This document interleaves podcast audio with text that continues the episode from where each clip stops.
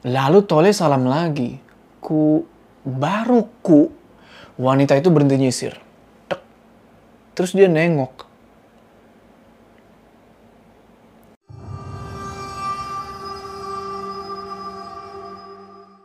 Assalamualaikum teman-teman, balik lagi sama gue Joe.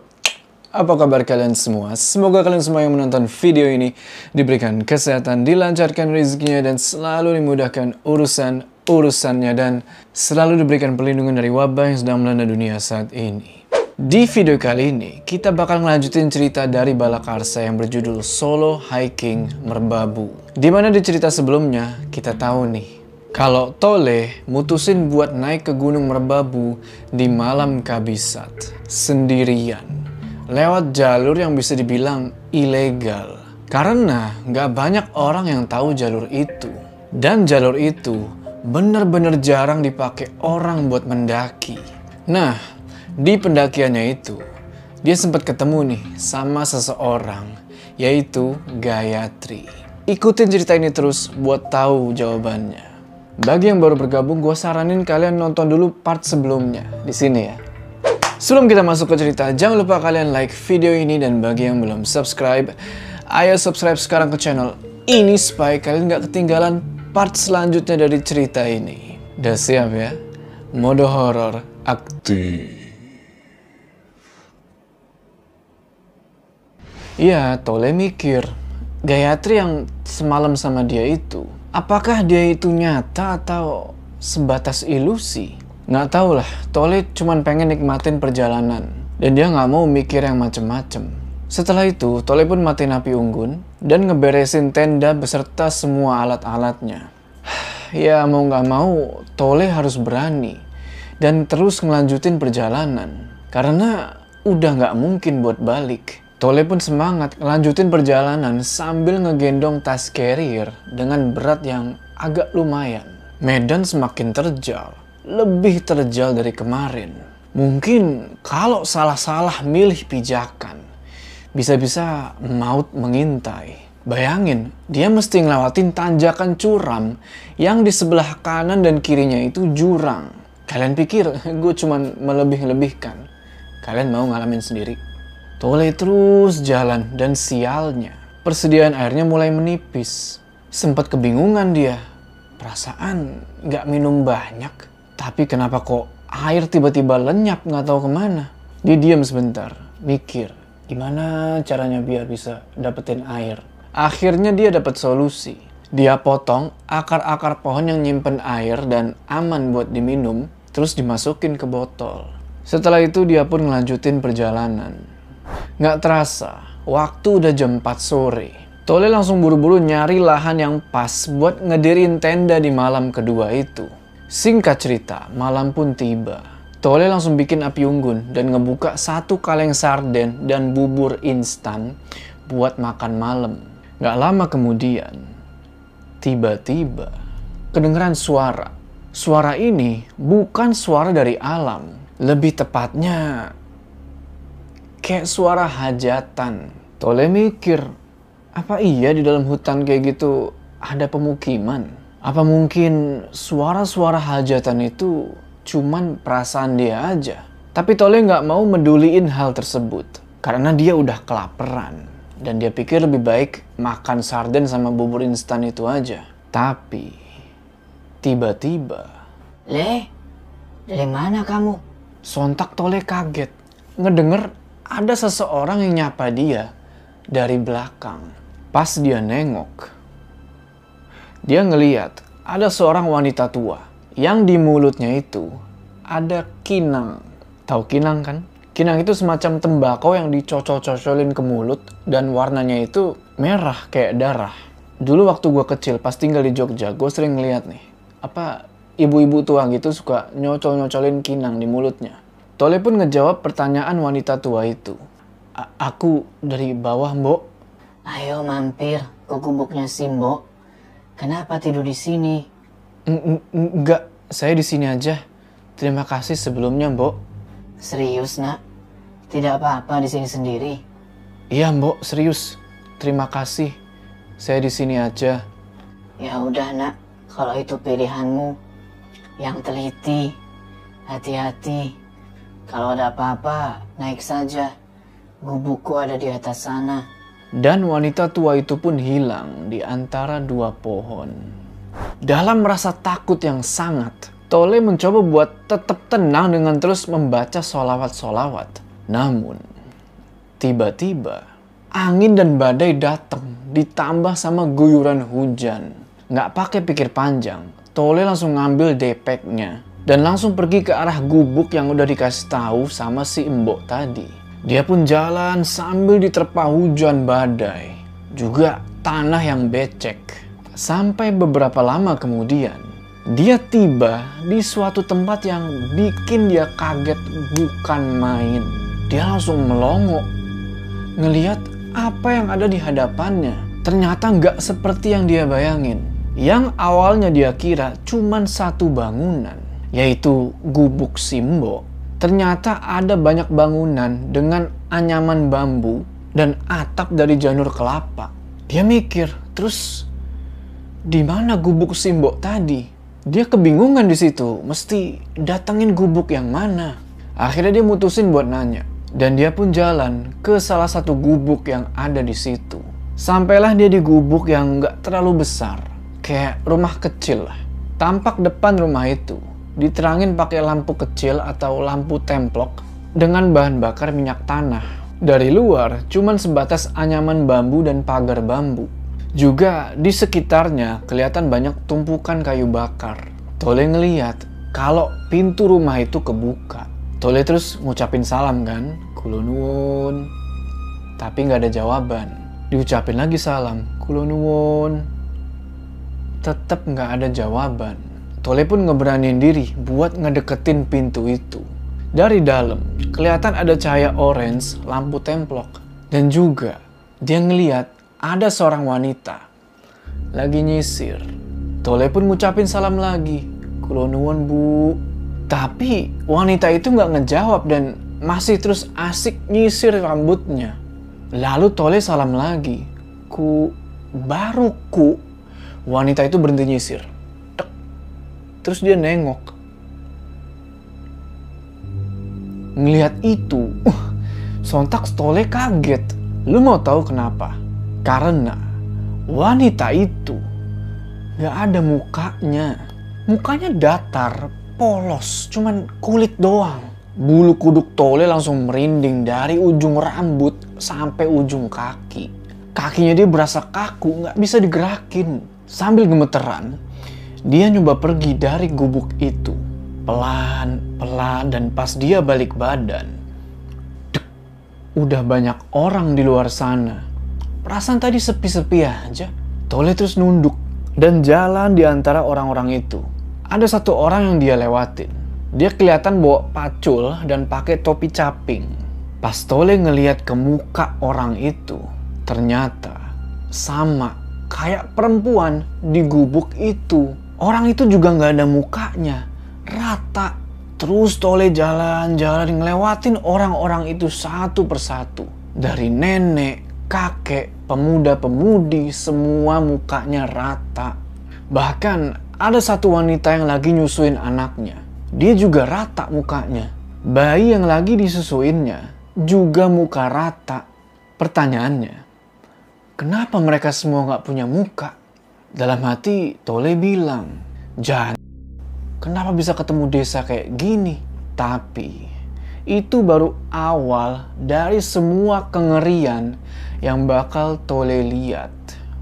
Orang-orang muka rata yang awalnya di situ jalan tenang, tiba-tiba kocar kacir seolah-olah ada sesuatu yang mereka takutin. Bahkan mereka sampai jatuh berkali-kali saking takutnya. Malam itu, seketika jadi sangat mengerikan. Tiba-tiba, kedengaran suara kayak langkah kaki dan geraman dari ujung desa itu. Tapi siapa yang buat suara itu?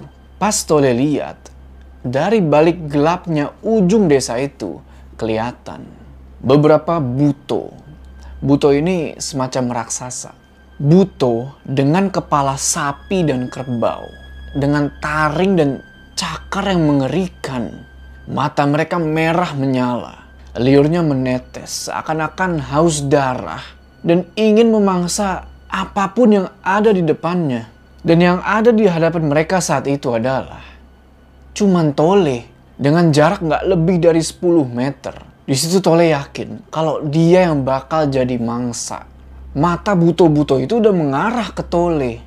Tole mikir, apa ini akhir dari hidupku? Apakah aku akan dikoyak dan jadi santapan buto-buto itu? Dalam ketakutan, Tole berusaha nyari tempat sembunyi kayak penduduk-penduduk tadi yang udah lari nggak tahu ke mana. Tole terus lari menuju ke belakang salah satu gubuk di desa itu. Nyoba buat nyari pintu belakang. Tapi, sial bagi dia. Karena buto-buto itu sekarang lari dan berusaha ngejar Tole. Badan buto-buto itu gempal dan tingginya itu sekitar 5 meteran. Dalam hatinya, Tole bilang, Apaku bisa selamat? Oh Tuhan, beri aku kesempatan. Aku masih ingin hidup. Sambil nangis, Tole masih nyari pintu belakang dari salah satu gubuk di desa itu. Dan akhirnya ketemu, drak, didobraklah pintu itu sama dia. Namun, lagi-lagi dia ngeri. Karena di balik pintu itu, kelihatan seorang laki-laki lagi megang cangkul dan wanita yang lagi merangkul anak-anaknya yang masih kecil. Tapi, ya, muka mereka semua itu rata. Tole ngelewatin semua makhluk bermuka rata itu dan buru-buru nyari tempat sembunyi. Ternyata di atas gubuk itu ada lumbung padi kecil. Tole pun naik dan masuk ke dalamnya. Sesekali Tole ngintip dari atas lumbung itu. Buto-buto itu ternyata juga ikut masuk ke dalam gubuk tersebut dan berkelahi dengan laki-laki yang megang cangkul tadi. Laki-laki itu berusaha ngelawan tapi sia-sia. Gak lama kemudian laki-laki itu udah tergeletak gak berdaya. Tanpa belas kasih, Buto itu memisah kepala laki-laki itu dari badannya. Darah udah di mana-mana. Wanita muka rata yang sepertinya istrinya itu teriak, "Bapak, Entah gimana caranya bisa keluar suara dari wanita muka rata itu. Padahal dia kan gak punya mulut. Kemudian wanita itu dijambak sama Buto tersebut. Lalu Buto itu ngambil cangkul laki-laki yang tadi. Dan wanita itu diinjek lantai sama salah satu Buto tersebut. Lalu dipisah kepalanya pakai cangkul itu. Anak-anak muka rata itu langsung teriak dan nangis. Gimana enggak? Mereka ngelihat bapak sama ibunya dihabisi kayak gitu. Tole merasa hatinya sesek. Dia merasa berdosa karena udah menggiring buto-buto tersebut masuk ke dalam rumah keluarga muka rata itu. Tole cuma bisa ngusap air matanya dan nahan teriak. Dalam hati dia bilang, aku takut anak-anak muka rata itu juga nggak luput dari kekejaman para buto-buto tersebut. Gak sampai di situ kebengisan mereka. Mereka masih menyisiri ruangan demi ruangan di gubuk itu. Salah satu dari mereka bilang, Ke mana anak manusia tadi? Aku ingin makan anak tadi. Aku ingin memakan mentah-mentah daging, darah, tulang anak manusia tadi. ayo cari, ayo cari. Tole dalam hatinya cuman bilang, Ya Tuhan, apa ini akhir hidupku? Aku ingin pulang ya Tuhan. Beberapa saat kemudian, suasana pun tenang. Tole ngintip dari celah lumbung. Ternyata buto-buto itu udah nggak ada. Dia pun turun dari lumbung padi itu dan mastiin apakah mereka ini benar-benar udah pergi. Jantung udah dek dik duk dek dik duk. Ngeri. Banyak darah dan wah kacau dah. Pokoknya cukup ngeri lah buat digambarin. Bau darah itu amis banget. Tole cuma bisa nutup hidung supaya nggak mual dan muntah. Dia pun pergi ke pintu belakang gubuk itu, mau keluar dan balik ke tendanya. Pas sudah keluar pintu itu, dia lihat-lihat ke sekitar. Aman, dan dia pun jalan. Gak berapa lama, tiba-tiba, ada yang nepok bahunya Tole. Dan pas dia noleh ke arah belakang, dia kayak nggak percaya sama apa yang dia lihat. Air mata udah nggak kebendung lagi. Awalnya dia pikir itu buto, Tapi ternyata Mas, Mas kamu siapa? Kok sampai ke sini? "S- saya pendaki mbak. Saya mau naik merbabu. Perempuan itu cantik. Dia pakai jarik lurik sedada dengan kemben dan juga bawa bakul. Perempuan itu sambil penuh was-was dan ngeliat sekitar bilang lagi. Mas, monggo, mampir ke gubuk saya. Tole masih diem dan bingung. Namun, tanpa basa-basi, perempuan itu narik tangannya Tole dan ngajak dia ke suatu tempat sambil bilang, Mas, ayo. Cukup lama, perempuan itu gandeng tangannya Tole dengan tergesa-gesa dan tanpa sepatah kata pun. Singkat cerita, sampailah mereka di sebuah gubuk yang berada di bawah antara dua pohon. Perempuan itu mukul-mukul pintu bambu gubuk tersebut sambil bilang, Mbok, mbok. Dalam hati, Tole bilang, Mbok. Apa itu si Mbok? Si Mbok yang gubuknya sedang aku cari. Nggak lama kemudian, seret, pintu bambu itu kebuka. Cahaya lampu templok mulai kelihatan dari dalam dan ada bayangan seorang wanita. Wanita itu nggak pakai ngomong mempersilahkan Tole buat masuk. Tole dan perempuan cantik itu pun masuk ke dalam gubuk tersebut. Di dalam gubuk itu, ada sebuah kursi panjang yang terbuat dari bambu. Lantainya masih berupa tanah yang berwarna coklat kemerahan. Tiba-tiba, Diminum, nak. Ya, cuman seperti ini. Seadanya ya. Nggih, Mbok. Ini sudah cukup baik. Bener. Itu adalah gubuk si Mbok yang kemarin nyapa dan ngajak Tole buat mampir. Tapi gubuknya lumayan jauh dari perkampungan itu. Dan terkesan kalau cuman itu satu-satunya bangunan yang ada di sekitar situ. Aneh. Tole pun minum minuman yang udah disuguhi sama si Mbok. Diminumlah sama dia. Pas lagi minum gitu, Tiba-tiba dia hampir aja keselak. Kenapa? Karena Simbo menanyakan sesuatu yang benar-benar bikin Tole merinding. Simbo nanya, Sudah dapat apa yang kamu inginkan, nak? Sudah lega hatimu? Simbo lalu nyuruh Tole buat istirahat dan tidur di gubuk itu. Dan nyaranin besok aja naik kalau badannya udah enakan. Setelah itu, Simbo nyuruh perempuan cantik yang tadi, yang ternyata adalah cucunya, buat nganterin Tole ke kamarnya. Simbo bilang, Ini cucuku, nak. Namanya Anjani. Kalau aku panggil Mbok Rondo saja ya. "I- iya Mbok Rondo. Akhirnya cucu Simbo yang bernama Anjani itu nganterin Tole ke sebuah kamar. Kamar dengan amben, dengan alas tikar rotan. Amben ini kasur yang terbuat dari bambu. Ada kendi juga yang berisikan air putih dan gelas yang terbuat dari bambu. Anjani bilang, Ini mas kamarmu. Sebelumnya mohon maaf. Nama saya Anjani. Iya mbak, tadi Simbo udah bilang sama saya namamu. Kamu panggil saya Dek saja mas. Hehe. Saya masih muda. Tole ngeliat kalau mukanya Anjani ini memerah karena malu.